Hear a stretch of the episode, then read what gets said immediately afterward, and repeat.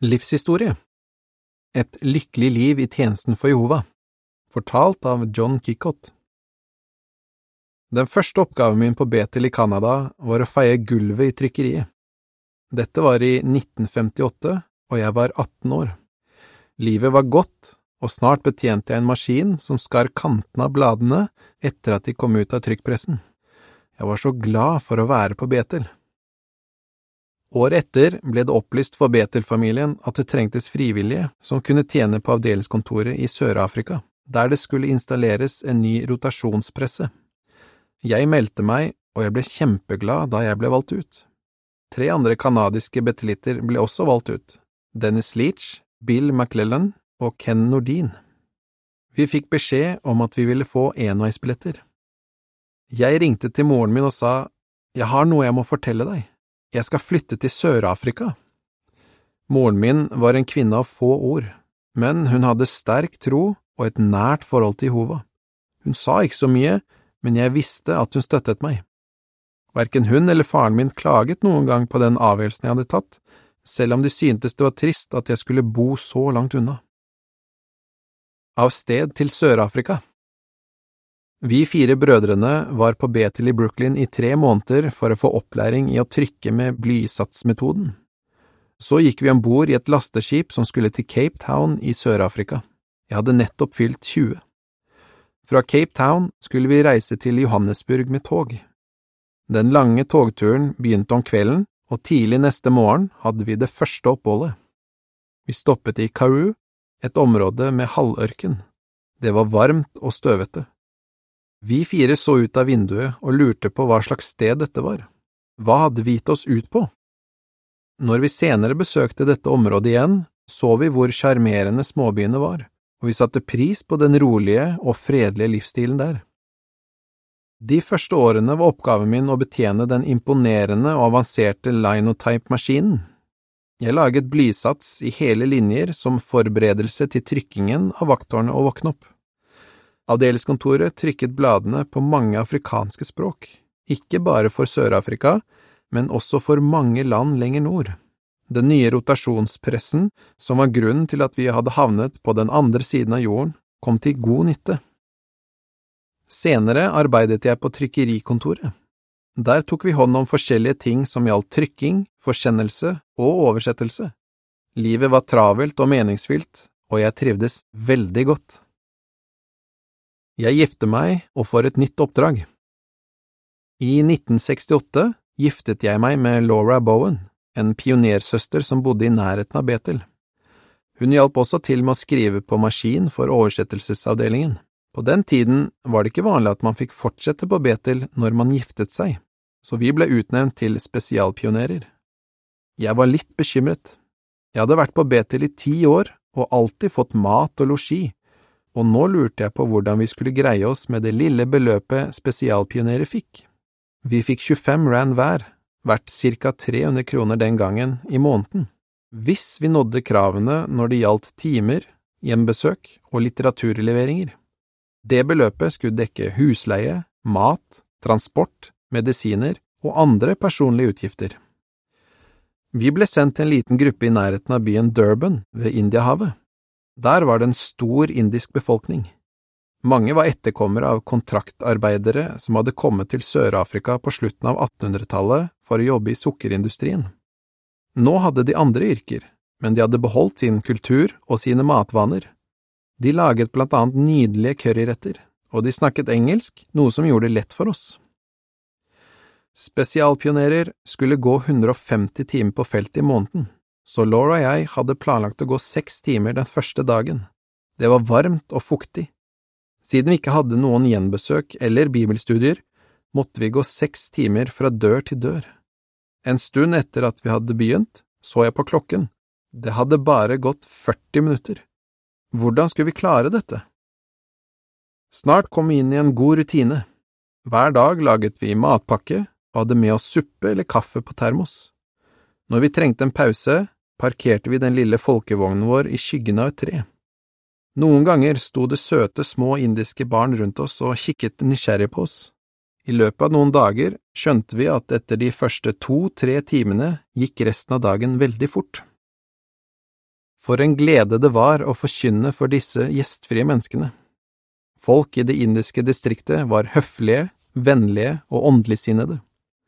Mange hinduer reagerte positivt på budskapet vårt. De var glade for å lære om Jehova, Jesus, Bibelen, den nye verden og håpet for de døde. Etter et år hadde vi 20 bibelstudier. Hver dag spiste vi hovedmåltidet vårt hjemme hos en av de familiene vi studerte med. Vi hadde det kjempebra. Men snart fikk vi et annet oppdrag, å reise i kretstjenesten langs det vakre Indiahavet. Hver uke bodde vi hos en familie mens vi besøkte og samarbeidet med forkynnerne i menigheten for å oppmuntre dem.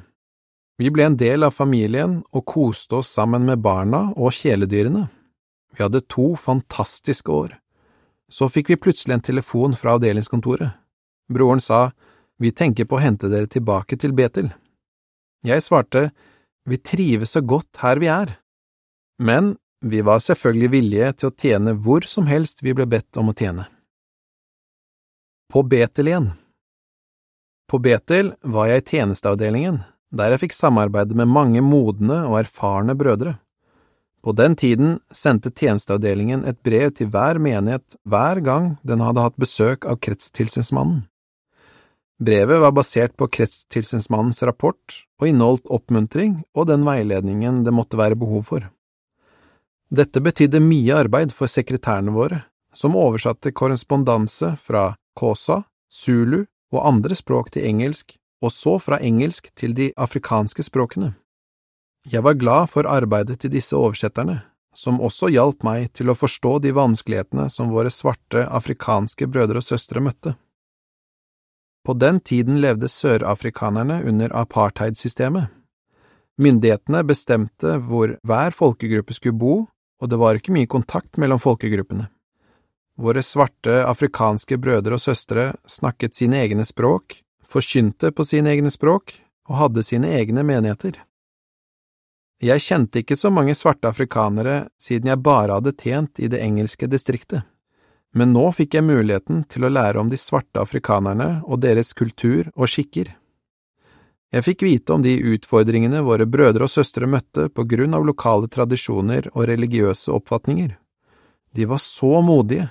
De tok avstand fra ubibelske tradisjoner og nektet å følge okkulte skikker selv om de fikk sterk motstand fra familien sin og fra hele landsbyen. På landsbygda var det mye fattigdom.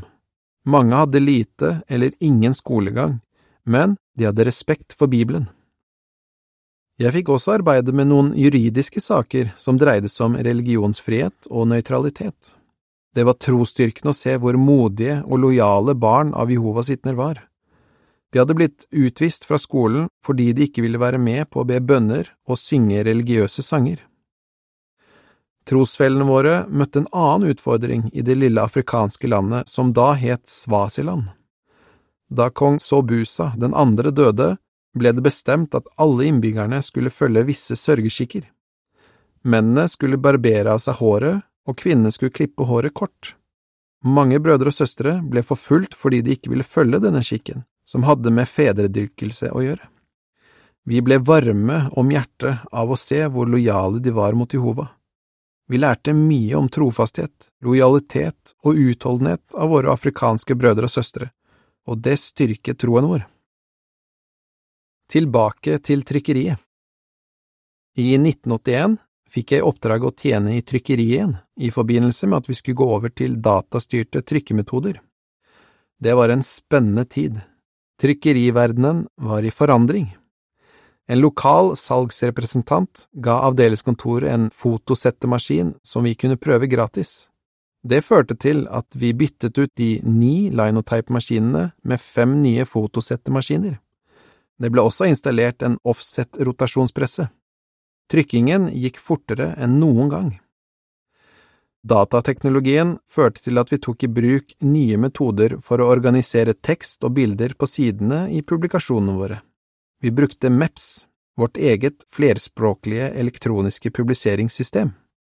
Jeg tenkte tilbake på den gangen vi fire canadiske betelitter hadde blitt sendt til Sør-Afrika for å jobbe med tungvinte og langsomme trykkpresser. Så langt den teknologiske utviklingen hadde kommet siden da. På det tidspunktet hadde vi alle giftet oss med flotte, åndeligsinnede pionersøstre. Bill og jeg var fortsatt på Betel.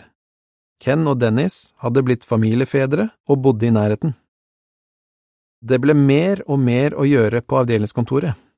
Vi oversatte bibelsk litteratur til stadig flere språk, og vi trykte litteratur på enda flere språk. Mye av litteraturen sendte vi også til andre land, så vi trengte et nytt Betel-kompleks. Vi bygde et nytt Betel i et vakkert område vest for Johannesburg, og det ble innviet i 1987. Det ga meg stor glede å få være med på all denne utvidede virksomheten og å tjene i utvalget ved avdelingskontoret i Sør-Afrika i mange år. Enda et nytt oppdrag Vi ble veldig overrasket i 2001 da jeg ble bedt om å tjene i utvalget ved avdelingskontoret i USA, som nylig hadde blitt opprettet.